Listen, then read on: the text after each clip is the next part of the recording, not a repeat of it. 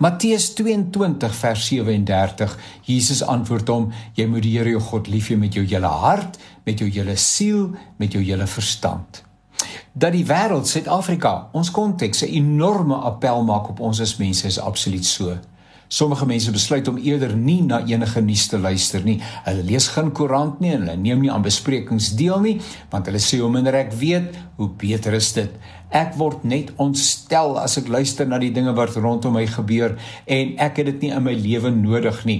Ek woon eerder in hierdie sintetiese borrel waar my vrede nie gesteer word nie. Nou, elke mens het natuurlik die reg om besluite te maak oor sy of haar lewe en uh, met daardie besluit het ek natuurlik vrede. Maar aan die ander kant kry mense nuus junkies soos ek self en uh, wat soms sukkel met negativiteit. Ek word oorstelpend desperaat oor die lewe so de mekaar is. Maar die lewe bestaan daarom nie net uit slegte nuus nie. Daar is opmerklike mooi dinge aan die gebeur wat 'n mens baie opgewonde behoort te maak. Ons behoort ook meer aandag te gee aan die positiewe stories sodat ons nie in 'n gat van ellende en depressie val nie. So hoe leef en oorleef 'n mens in so 'n uitdagende wêreld? En hoe wil die Heilige Gees ons help om relevant te wees sonder om in negativiteit te verval? Ek het 'n idee dat prioriteitsbepaling ons daarmee kan help.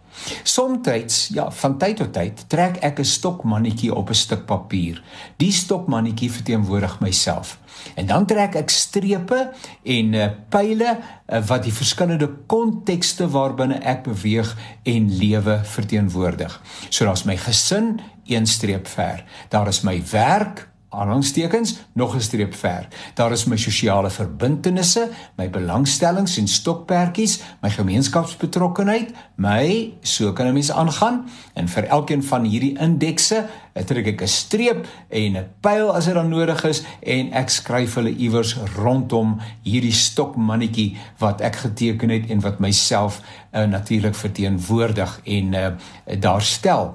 En uh, die hierdie indekse sal seker in breë trekke vir ons almal dieselfde lyk, maar dit verskil tog in die detail, nê. Nee. Nou begin ek die kategorieë verfyn. So ek dink nou aan my gesin. So wanneer ek dink aan my gesin, is dit ek en my beter helfte en ek en die kinders, uh, gesamentlik en individueel. Nou die kinders het elkeen 'n naam, so daar's 4 kinders. Ag, en so kan 'n mens aangaan. Ek begin daardie kategorieë begin ek verfyn.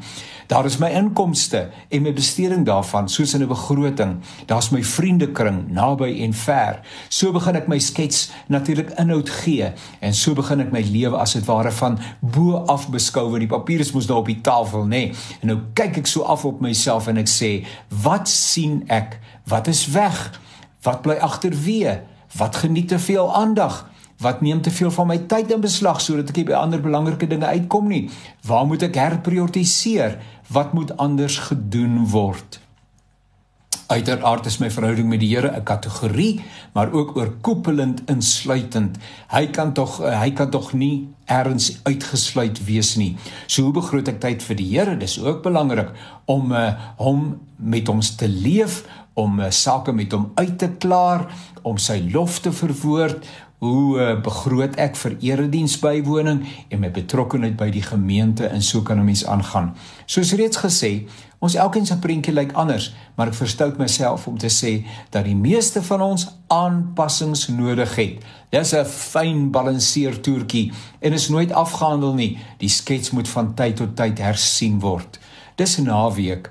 En miskien wil jy jou eie skets gaan trek en dalk wil jy dit deurpraat met jou beter helfte sodat jy saam met mekaar uh, 'n bietjie beter kan beplan en jou eie, miskien haar of sy of wie se lewe ook al 'n bietjie meer struktuur te gee en uiteindelik ook meer balans te bring en dit gebeur wanneer ons ons prioriteite agter mekaar kry.